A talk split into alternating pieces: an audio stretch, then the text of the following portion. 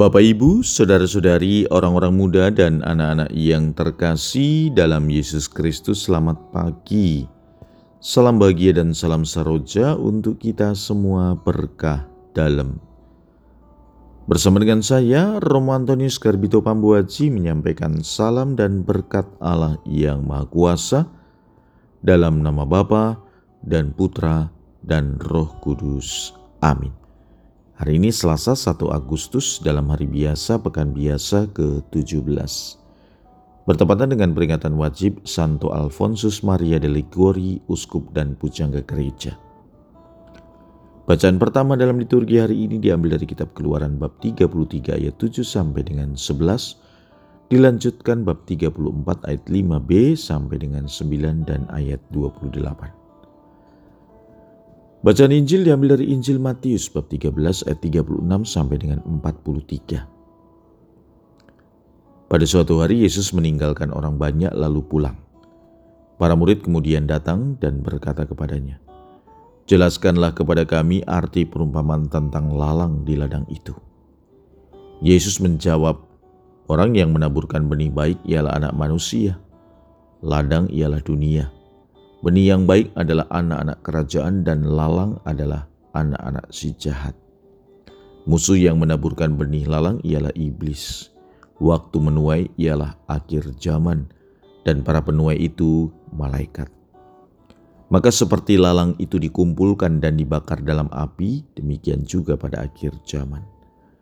Anak manusia akan mengutus malaikat-malaikatnya dan mereka akan mengumpulkan segala sesuatu yang menyesatkan dan semua orang yang melakukan kejahatan dari dalam kerajaannya. Semuanya akan dicampakkan ke dalam dapur api. Di sanalah akan terdapat ratapan dan kertak gigi. Pada waktu itulah orang benar akan bercahaya seperti matahari dan dalam kerajaan Bapa mereka. Siapa bertelinga, hendaklah ia mendengarkan.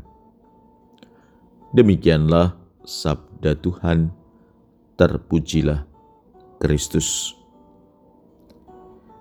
Saudara-saudari yang terkasih, kiranya jelas arti perumpamaan yang disampaikan oleh Yesus dalam pengajaran sebelumnya tentang lalang.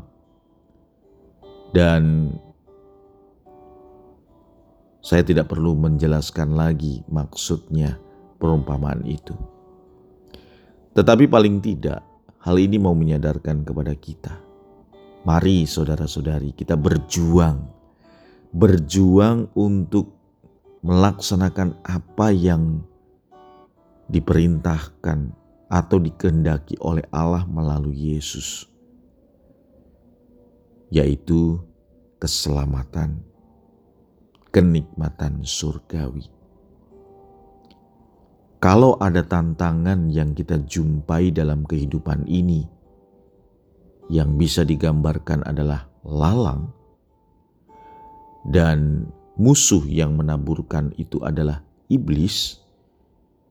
Mari kita tetap bersatu dengan Yesus, karena dengan persatuan itu, lalang dan iblis tidak akan pernah dapat memisahkan kita dari Tuhan Yesus.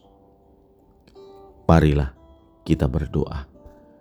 Tuhan, semoga kami dapat terus berjuang setia sampai akhir akan iman kami, sehingga kami Kau selamatkan.